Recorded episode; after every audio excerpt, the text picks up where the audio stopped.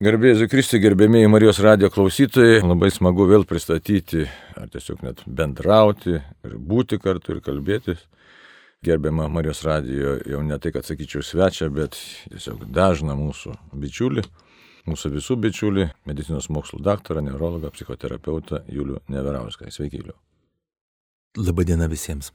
Taigi, prieš pradėdam laidą, pirmiausia pasimelskime, paskui visą kitą. Vardant Dievo Tėvo ir Sūnaus ir Šventosios Dvasios. Amen. Viešpadė Dieve. Tu nori, kad mes eitume teisingų gyvenimo keliu, tikrai nori, kad mes būtume laimingi, taigi pašvenčiam šitą laidelę, tiesiog tau, kad apšviestum šventą dvasę ir mes atrastume tikrai gražių savo buvimo formų, kad galėtume būti pagal tavo mintį, galėtume mylėti Dievą, save ir žmonės. To prašome per Kristų, mūsų viešpatį. Amen. Vardant Dievo Tėvo ir Sūnaus ir Šventosios dvasios. Amen.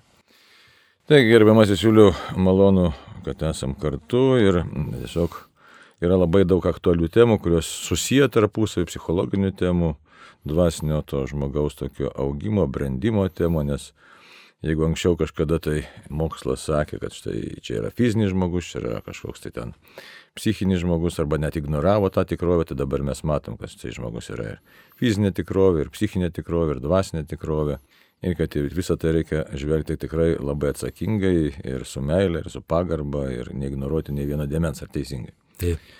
Tai dabar toks labai svarbus, labai dažnas klausimas, tikrai pastoracijai sutinku, pats savy taip pat atrandu kitose žmonėse.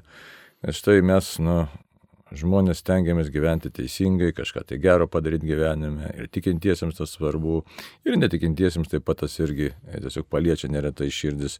Ir štai liktai žmogus stengiasi būti na, doras, geras, kaip supranti pagal tą momentą ir kažkaip ir tiesiog daryti tai, kas gera kitiems žmonėms ir mylėti. Bet štai nevalingai, tiesiog nevalingai kyla tokia graužatis Kažkiek jau esam, man atrodo, apie tai gal ir kalbėję, bet tiesiog dar konkrečiai dabar kyla mhm. tokia graužati, sakytume, žmogus sako, aš prasibundu iš ryto ir jaučiuosi kaltas, nežinia kodėl. Jaučiuosi kaltas, kad štai su savo artimaisiais netaip pakalbėjau, gal darbe kažką netaip padariau, gal savo žvilgsniu kažką tai skaudinu ir panašiai, ir panašiai, ir panašiai. Net atrodytų tokiuose situacijose, kai tas žmogus nu, visiškai neturėtų jaustis kaltas. Aš neturėčiau jaustis kaltas, kitas neturėtų jaustis kaltas, nes objektyviaus blogo veiksmo ir nėra. Galbūt buvo kažkokia mintis, galbūt, bet būna ir tokių labai įdomių situacijų, sakysime. Kad štai serga jau pagyvenus moteris. Pagyvenus moteris serga. Čia tikra situacija.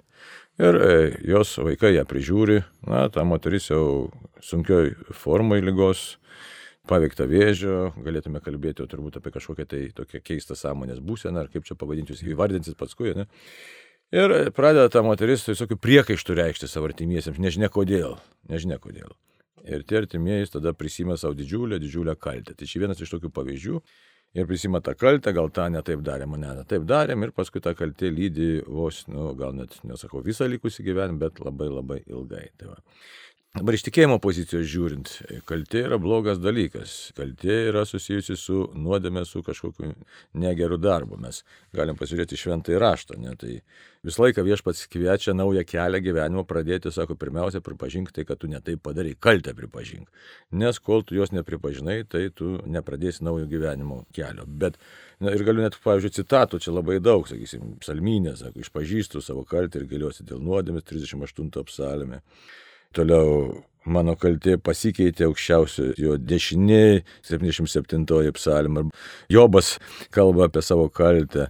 Jobas yra teisus, jis ne, bet tai vėlgi kažkodėl tai Dievas jį ant pabaudžia. Bet bet kokiu atveju labai daug yra šventame rašte kalbėjimo, kad štai kaltė turi būti suprasta, apgailėta ir turi pasikeisti gyvenimo kelias. Tai čia suprantama. Taip. Bet yra tokių situacijų, kad štai atrodytų kaip ir viskas gerai, o žmogus neranda ramybės ir graužia save. Su kuo mes čia susidurėm ir ką reiktų daryti?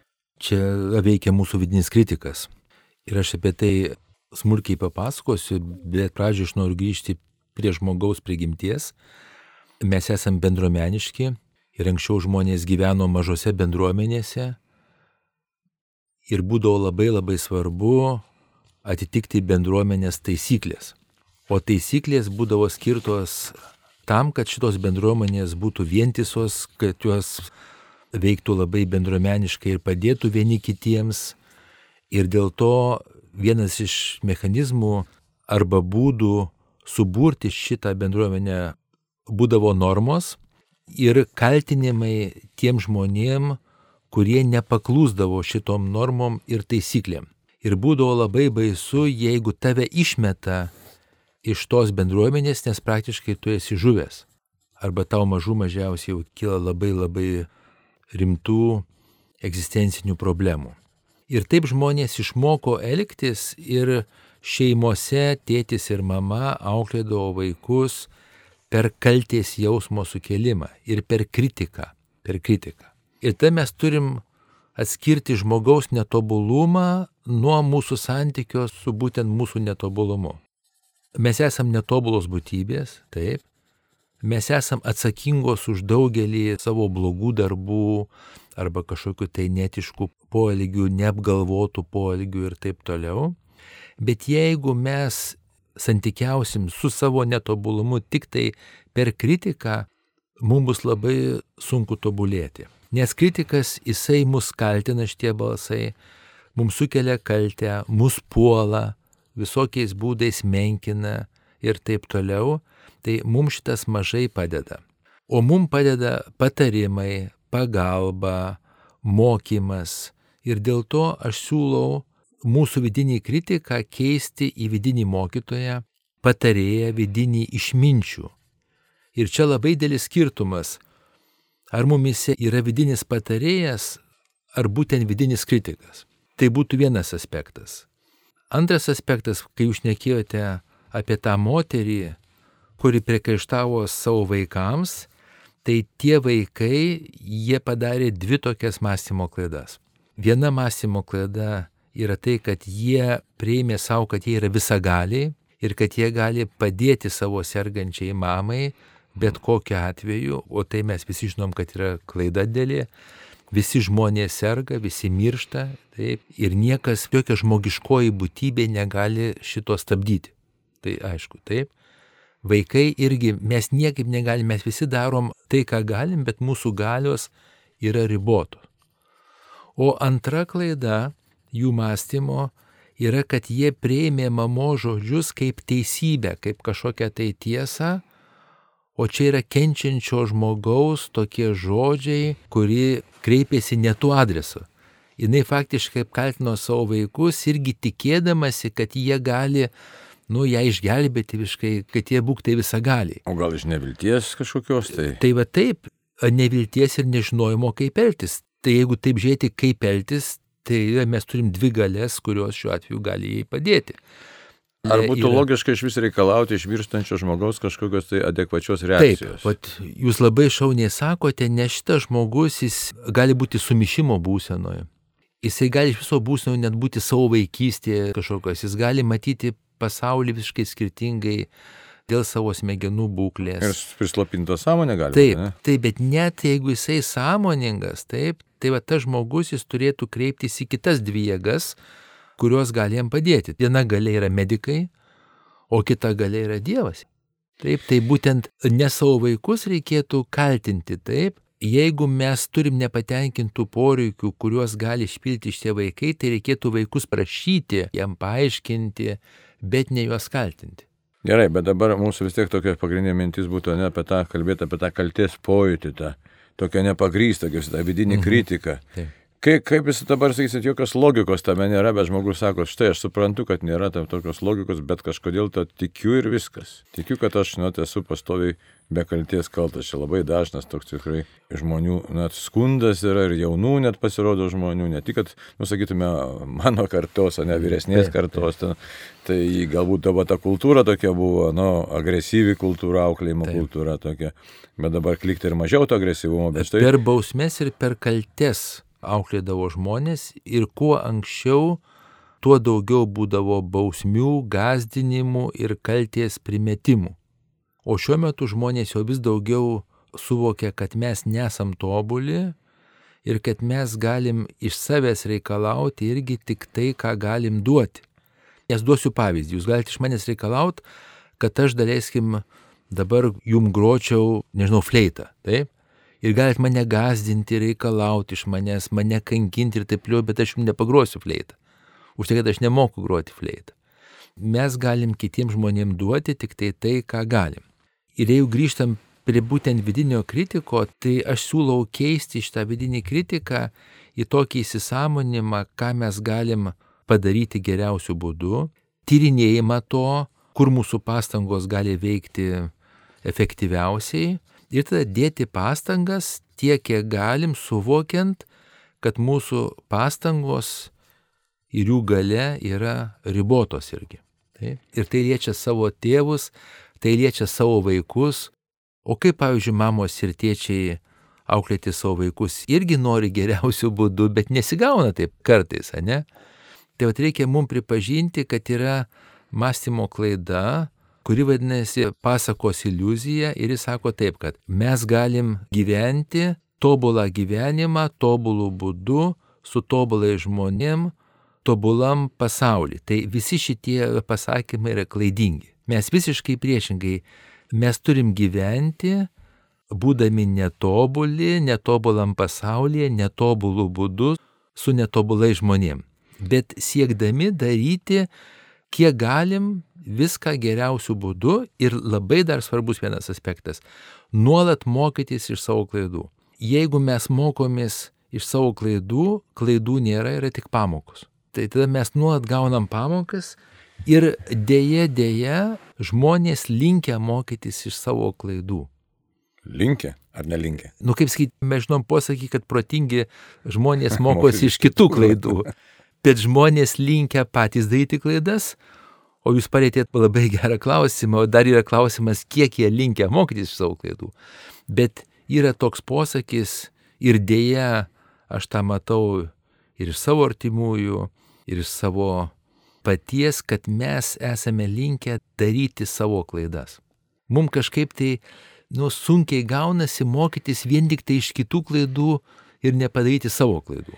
Bet čia matau tokią problemą čia. Ne, dabar, aiškiai, ta jūsų formulė, kur pasakė, tai reiškia, mes norim gyventi tobulam pasaulyje, tobulų būdų, patys tobulai su tobulai žmonėmis ir taip, taip toliau, reiškia visiška klaida. Ir staiga baisu pasidaro, kad štai Julius sako, kad pasaulis netobulas. Tai kaip čia, kur aš laimę pasieksiu? Bet jisai pakankamai geras, jis pakankamai geras, kad mes galim ir atlikti savo pareigą, ir atlikti savo pareigą žmonėms, savo artimiesiems, gamtai, Dievui, savo patiems, tu aš dar prie to prieisiu, ir būti laimingais šiame pasaulyje, kuris nėra tobulas. Duosiu pavyzdį. Jeigu oras prastokas, ne, ir lyja, ir truputį sninga, ir vėjas, ar mes galim jausis laimingi esant prastesniam orui? Nu, galima, galim. Aišku, priklauso nuo požiūrio. Taip, būtent, būtent. Yra žmonių, kurie labai ten bėdavos, ai dabar ir vėl lyja, ir vėl sninga, ir vėl viskas blogai. Tai va tie žmonės ne, bet yra žmonių, kuris kurs kažką tai, kažką tai naudingo, kažką tai gero, malonaus ir pats svarbiausia prasmingo, esant bet kokiam orui. Bet čia problema yra vis tiek, aš, man tai ta knieti tokia, žinai, kaip tas problema? juodasis pro, tas, e, advokatas. taip, taip, taip, taip. Aiškiai, dabar žiūrėkit, bet šie du dalykai, ar trys, nežinau kiek, bet Aha. dabar yra šitaip, sakote, mokytis, bet kadangi jeigu mano tas mąstymas suformuotas, kad štai aš turiu kažkaip pasiekti ir išmokti, Tai aš ir žiūriu tas savo klaidas, kad štai, matai, dar neišmokau, aš, aiškiai, vis tiek noriu viskas arba nieko, net tą mąstymą tokį, tokį. Ir tada graužiu save, kad štai matai dar kažko tai neišm. Dar, o, o ką aš dar turėčiau išmokti, nes suprantate, ką noriu pasakyti. Noriu dar Taip. kažko, nu jau, jau, jau, jau. O tas, kaip padaryti. Egzaminai kad... kunigė paskutinę dieną mūsų gyvenimo. Ir paskutinę valandą. tai iki egzamino yra laiko, ne? Bet vis laik gyventi egzaminų tam stovė kažkokiam, ar kaip čia dabar? Ar, taip, ar, taip ar šiek... netobulam stovė. O tai kaip mes mokomės vidurinėje mokykloje? Ar A. mes viską mokam? Ne. Ja, bet man... Pirmoji klasėje mes išmokstam tos klasės užduotis, antroji klasėje išmokstam antros klasės užduotis. Ir taip mes nuolat mokomės visą gyvenime iki galutinio egzamino. Tai jūs čia kalbat grinai kaip švento rašto mintimis, iš tikrųjų, kad tikrai nu. visą laiką esi netobulas, bet mūsų kultūroje tai nu, kažkaip kitaip yra. Jo, bet mes galim tą keisti ir mes jau truputį keičiam. Už tai mes ir kalbam čia, ar ne? Mes tą keičiam. Na, tai bet gerai būtų man vis tiek toks klausimas, kaip dabar gaun, tiesiog gaunas, negražiai sakau, įvyksta, kad štai tas vat, vidinis kritikas jisai ima dominuoti. Dominuoti ima. Tai va, Grįšiu aš prie to, nuo ko jūs pradėjote, kad būtent jūs sakėt, kad žmonės nori būti geri. Ar Tai va- įsivaizduoja Tai sągerį? aš šitą, aš šitą jūsų mintį praplėsiu, jeigu mes norim būti geri, mes turim būtinai įtraukti ir save į šitą gerumą. Ir jeigu mes kalbam apie atjautą, tai daug mes kalbam apie atjautą kitiems žmonėms, atjautą kenčiantiem, atjautą silpnesniem ir taip toliau, bet per mažai mes kalbam apie atjautą savo. Nes tik tai tuo metu ir tom sąlygom, jeigu mes mokam pasirūpinti savimi ir būti gerai savo ir mokėti parodyti atjautą savo, mes galim gauti stiprybės tada veikti kitų žmonių kryptimis. Nes tas žmogus, jeigu mes pasiaukojam tik tai, jeigu mes tik viską darom dėl kitų žmonių, tada mes išsenkam ir mes pritrūkstam resursų tęsti savo veiklą. Tai mums reikia kaip automobilį, bet jeigu mes tik tai važiuosim, nesirūpinsim nieko, nei kūro pilsim, nei tepalų keisim, nei padangų keisim, nei nieko, nei prižiūrėsim savo automobilio, tai tada mes toli nevažiuosim. Tai čia taip yra, reikia mokėti būti gerai savo. Tai bet dabar kas nors išgirdė šitą jūsų frazę, sakys, ką tas gerbiamas Julius mokina su egoizmu? Aš atskiriu egoizmą ir egocentrizmą. Tai egoizmas yra geras dalykas, tai yra mokėjimas pasirūpinti savimi, yra kaukės metafora. Jeigu lėktuvė mums aiškina, kaip elgtis, jeigu būtų kažkoks tai įvykis, taip, tai ką siūlo? Pradžiai užsidėk kaukę savo, o paskui... Degonės kaukia. Taip, o paskui dėkis savo vaikui. Nes jeigu elgsisi priešingai, gali būti, kad jau nespėsi savo įsidėti ir da vaikas tavo žus. Taip? Tai mums reikia, jeigu mes norim turėti galių, jėgų, motivacijos, sakyta, kad būti gerais kitiems žmonėms, mes turime būti geri savo ir dabar išgirskim visi, ne kitų žmonių sąskaitą. O kaip čia įdomu. Aš rūpinuosi savimi, nepažemindamas kitų žmonės, nenuskriausdamas kitų žmonės, bet rūpinuosi savimi tiek, kiek tai leidžia mano etikos principai. Tai gal dabar konkrečiau, Nedarydamas kaip nieko tą blogo. rūpestį savimi galėtume galbūt išskleisti, tą prasme, nu ką tai reiškia rūpintis savimi, nes, žinai, tas, tas vidinis Jeigu kritikas... mūsų jo. tema yra vidinis kritikas, tai pradžioje aš atsisakau vidinio kritiko, nuolat jį pastebiu, nuolat jį pastebiu. Mhm. Ir kai jisai kalba, aš prisimenu, kad tai mano mamos balsas, ar mano tėčio balsas, ar mano kažkokių tai kritiškų žmonių balsas, galbūt vyresniųjų brolių ar seserų balsas. Ir jis kažkodėl susijęs su baime paprastai būna, baime suklysti. Užtat, kad būtent tai vaikui ir yra. Mhm. Ir tada įsisamonės, kad mes grįžtam, kai tas vidinis kritikas pradeda garsiai išnekėti mūsų galvose, jisai padaro mus vaikais. Mes perinam į vaikišką režimą ir tai mus stingdo, ir tai mums sukelia baimę, ir tai mums sukelia sumišimą, net jeigu vidinis kritikas. Atima iš mūsų galės. Tai būtent dėl to aš ir siūlau vidinio kritiko atsakyti, nes tada mes kalbam ir kalbam, čia lygiai kaip mūsų mamos kalbėtų, mus kaltintų, kaltintų visokiais žodžiais, tenais vadintų, mums priekaištautų, bet nemokytų mus tiksliai, praktiškai, kaip elgtis. Tai mums reikia vidinių mokytojų ir kai mes pasim, kad mūsų vidinis kritikas mus kaltina, sekina mus, mus verčia tokius, nu, tokius tapti tapti bejėgiais, labai savęs kaltinančiais, užsidariusiais ir liūdnais, tai mes visokiais būdais stop, mes stabdom savo vidinį kritiką ir įjungiam savo vidinį padėję, mokytoją, patarėją išminčių. Ir klausiam savęs, ką man pasakytų šitoj situacijoje mano geriausias draugas. Ką man Geriausias šitoj... draugas Tai kas? Įsivaizduokim, kaip mes įsivaizduojam patį geriausią draugą. Ne? Ai, kuris nori man labai gero. kuris man nori labai gero. Arba įsivaizduokim, ką man šitoj situacijoje pasakytų kažkoks tai mano labai labai geras krikšto tėtis. Arba senelis. Arba religinė figūra. Ką man pasakytų šventasis raštas šitoje vietoje. Suprantat? Tai yra tas labai, kad aš atsiverti kitiem šaltiniam, kuriuose yra daugiau išminties. Nes vidiniam kritikė išminties tenais labai mažai yra. Ten yra tik kaltinimas, siauras mąstymas Labai siauras. ir toksai Ir pabrėžti. agresyvus elgesys. Ir dar galėtume pabrėžti, kad jis gali sukelti mums, reiškia, kadangi jis tai susijęs su vaikystė, tai tam tikrus ir fiziologinius pojūčius. Taip, dar ir kaip. ten galvos veikimai viskas panašiai, yra, panašiai. viskas yra padaryta tam, kad tu blogai jaustumės. Tam, kad tu blogai jaustumės. Na ir gerai, tai bandom įjungti tą išminčių ir ką. Išminčių ir klausiam visų pirma, kaip aš galėčiau šiuo metu, sunkiu metu būti geras savo. Ir galim žengti tokius tris žingsnius. Vienas žingsnis yra toks, kad man sunku pripažinti, kad man šiuo metu sunku. Pripažinti. Nes būtent vidinis kritikas, jis yra destruktyvus dėl to, kad jis nenori pripažinti, kad mums sunku. Jis reikalauja iš to verkiančio vaiko, nuskriausto vaiko, jis dar į tenais baudžia ir reikalauja ir spaudžia jį. Spaudžia visiškai. Taip. Taip, taip. Vietoj to, kad elgtųsi priešingai, kad palaikytų šitą vaiką. Tai va pirmas žingsnis yra apsikabinti save, galim pasakyti, man sunku, man tikrai sunku, aš šiuo metu išgyvenu labai sunku, sunku laikotarpį. Taip, tai būtų pirmas žingsnis. Antras žingsnis, jeigu norim, tai galim pasakyti, ir tai mane jungia su kitais žmonėmis, kurie irgi išgyvena sunku laikotarpį, jeigu norim šito žingsnio. Arba galim eiti iš karto prie trečio žingsnio ir savo pasakyti, aš noriu būti savo gera, arba aš noriu būti savo geras šiuo sunkiu metu. Nes jeigu mes esam gerieji tėvai arba išminčiai, arba iš viso geri žmonės ir mes matom, kad nuskriaustas vaikas yra, mes norim jam būti geri tam vaikui. Tai taip ir mes savo sakom, aš noriu būti savo geras arba gera šiuo sunkiu metu ir neskriausti savęs, o padėti savo, atgauti jėgas ir padėti savo atsigauti, vėl grįžti į tą savo įprastą režimą, būnant jau daugiau mokytų. Tas irgi svarbu. Bet čia labai svarbus dalykas, vieną reikia išryškinti, pabrėžti, kalbu tokia minti, man taip pat atėjo dabar.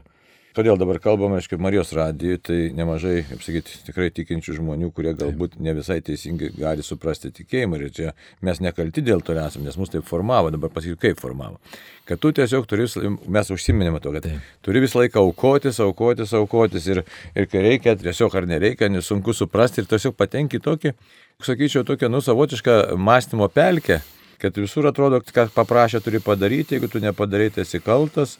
Ir čia tu tokia užimta pozicija tampa tiesiog, nu, išmokta, tiesiog į ją įklimta yra ir, ir, ir o jinai neleidžia tiesiog kaip, nu, aš nežinau, čia kokie kelio reikia tada nueiti ir ką reikia daryti ir kaip formuoti tą vidinį išminčių, kad suprastum, kad tiek aukų tokių nereikia ir reikia aukotis tada, kada reikia aukoti. Jo, tai aš pasakysiu du aspektus. Vienas aspektas yra tai, kad žmonės tūkstančius metų augino vaikus tam, kad po to jais naudotųsi.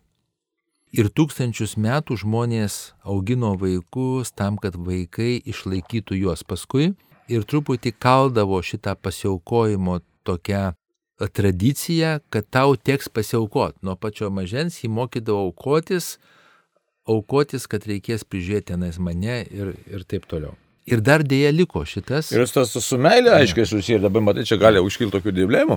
Jėzus irgi sakė, nėra didesnės meilės kaip gyvybę už draugus atiduoti. Tai čia, žinai, išmintis yra, ar čia visą laiką tai tinka. Kita vertus, gali klausytojai nusteps, sakys, kaip čia vaikus gimdydavo, kad savo iš tikrųjų taip ir buvo, nes jeigu mes žiūrėsim, vaikai buvo palaiminimas, bet vaikai visą laiką prižiūrėdavo tėvus. Labai. Daug labai žodžių, kas man vandens paduos stiklinę, tokie visokie. O antras aspektas, aš keičiau žodžiai pasiaukoti į žodį padėti kitiem žmonėm. Tai aš manau, kad yra būtina padėti, būtina. Ir padėti stipriai, įvairiais būdais, už tai, kad mes esame bendruomeniški labai ir tie žmonės mums padės, bet padėti, vėl grįžtu prie to, nepažeidžiant save. Išimties tvarka gali būti va, tokiu atveju, kaip jūs minėjote ir Jėzaus atveju, ir gali būti ir karo metu ir taip toliau, kai žmonės pasiaukoja, bet tai turi būti nu, labai labai išimtis Tai tikras ir labai čia vertybiniai kažkokie dalykai jau labai stiprus. Galim net sakyti taip, kad čia jau ypatingų žmonių reikalas.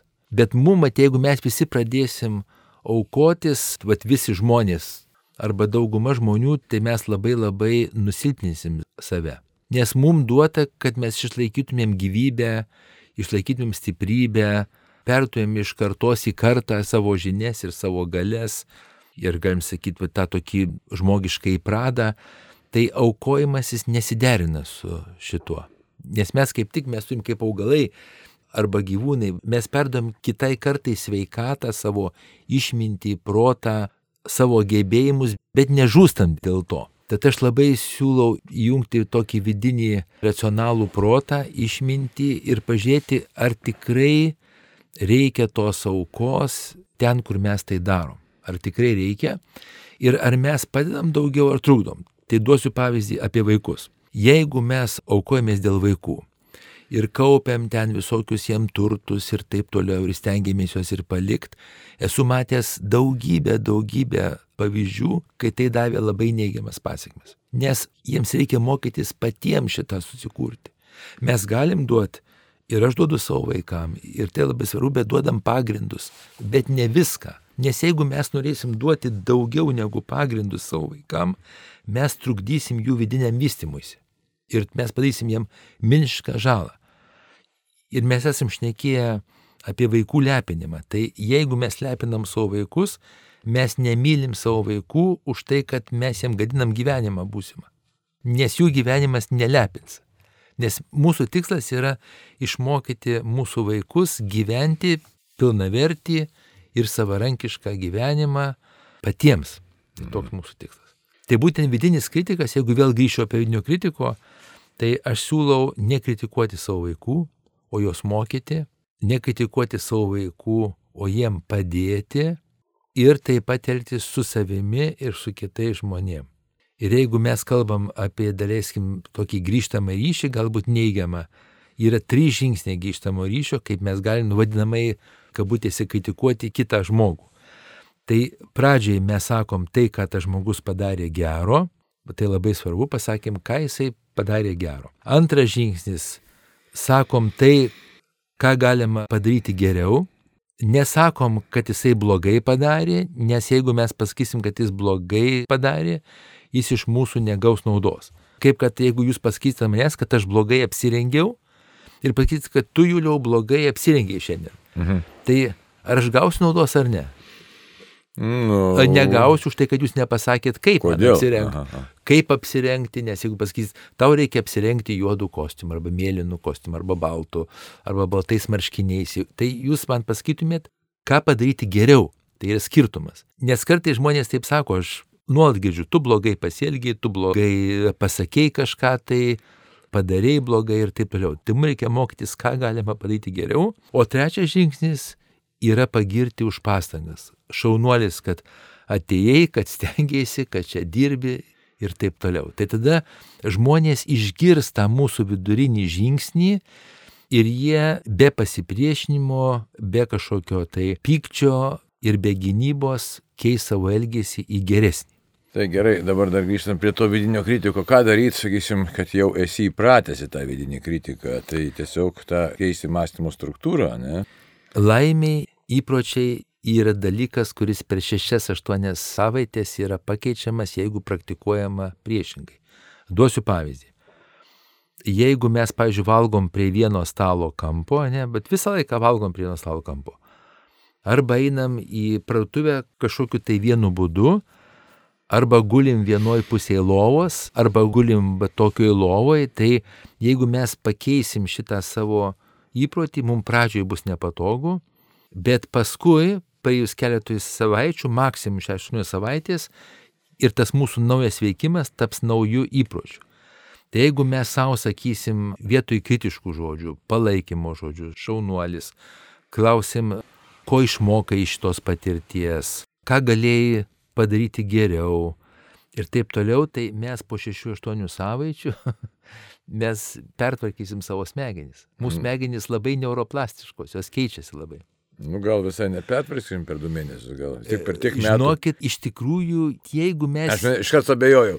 Jo, intensyviai, žinokit, yra moksliniai tyrimai, kurie sako, kad jeigu mes intensyviai šitą darysim naują elgesio būdą ir negrįšim prie senojo, per du mėnesius pasikeičia. Aš tik kodėl sakau, dabar štai, kad matai, kas yra. Jau iškart pradedi galvoti, aha, čia taip sauliaisiu labiau ir iškart vėl vidinis kritikas įsijungia ir galvoju, tai palauk, aš čia, kaip dabar, aš čia kitaip mąstysiu, dabar aš čia jau tik apie save, jau aš čia toks kažkoks jau būsiu. Ir Ne tik apie save. negeras būsiu. Ne tik apie save, bet ir apie save. O duosiu jums pavyzdį. Tai jeigu žmogus insultų, o susirga smegenų insultų, taip, tai tada reiškia, kad jo būtent smegenų dalis žūsta ir tada jisai arba nekalba, arba nevaldo savo pusės ir taip toliau. Bet daugeliu žmonių per du mėnesius atsistato šitą funkciją. O tai reiškia, kad kitos smegenų dalys, jūs įsivaizduokit, kad visą gyvenimą to žmogaus, jau vyresnio amžiaus žmogaus dažniausiai, jos 60, 80 metų, 70 metų visą gyvenimą darė kitą darbą ir po 60, 70 ar 80 metų jos pradeda daryti visai kitą darbą. Valdo mūsų kalbą arba valdo mūsų ranką ir valdo Ta mūsų prasme, kad koją. neuronai ten kažkaip Taip, susidės. mūsų smegenys labai labai laimė, jos labai neuroplastiškos, jos labai atsistatančios yra. Tai kokia būtų išvada mums dabar kalbant apie tą vidinį kritiką, kuris neduoda daugelį žmonių tiesiog gyventi ir esi kaltas tarsi už viso pasaulio bėdas. Atpažinti jį, pripažinti, kad mes jį turim, atrasti jo kilmę, kad čia mūsų mamos skaitiškos arba tėčio balsas ir tada pasiklausti, ar jis man duoda naudos ar ne. Ir kartais žmonės sako, aš be kritiko tapčiau blogas žmogus. Taip, taip, būtent, Ja. įvardinant tą. Ne, čia neteisybė. Neteisybė yra tai, jeigu aš noriu būti gerų žmogum, tai man yra daug naudingiau patarėjas vidinis. Nes daug kas sako, baime, tai kaip dabar aš čia gyvensiu? Arba Kaip? vidinis išminčius. Ir tada atpažinti, kad jis nieko mums gero neduoda apart to, kad mus silpnintų, tada jungiam vidinį išminčių, patarėją, atsigrėžiam į tai, kas parašyta ir šventam rašte, ir knygose psichologinėse, ir kur tik nori, šiuo metu informacijos netrūksta, ir ieškom kitų sprendimų, negu kad vidinis kritikavimas. Ieškom ir, galim sakyti, mokomės gyventi iki paskutinės gyvenimo dienos.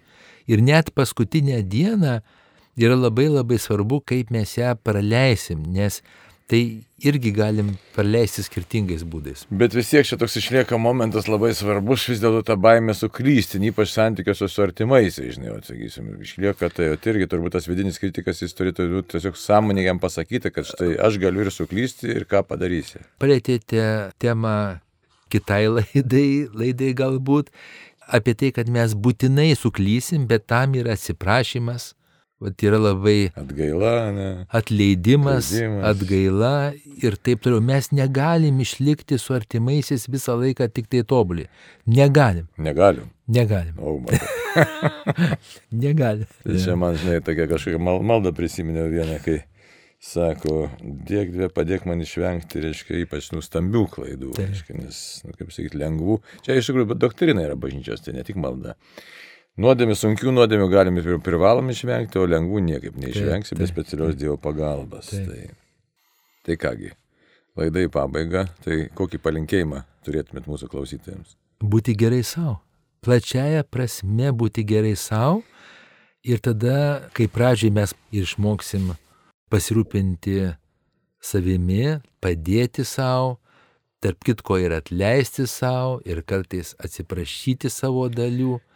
Ir priimti savo silpnumą, Taip, turbūt, ne? ir priimti vat, būtent ir silpnumą, ir netobulumą, ir kitus labai visokius dalykus, ir kartais ir egocentrizmą tą patį, ir visą kitą, kuo daugiau atpažinti savyje spalvų ir apsispręsti, kad aš noriu būti savo geras, tobulėti noriu nuolat, mokytis iš klaidų ir siekti, siekti pačių geriausių dalykų. Taigi, brangiai, ačiū labai gerbiamajam medicinos mokslo daktarui, psichoterapeutui Julinė Verauskui, kalbėjome apie tą savęs graužatį pastovių, kaip iš jos išeiti, taigi Dieve palaink mus visus, kad visi tikrai brestume, auktume ir iki sekančių susitikimų. Tam kartu ir sudė. Sudė.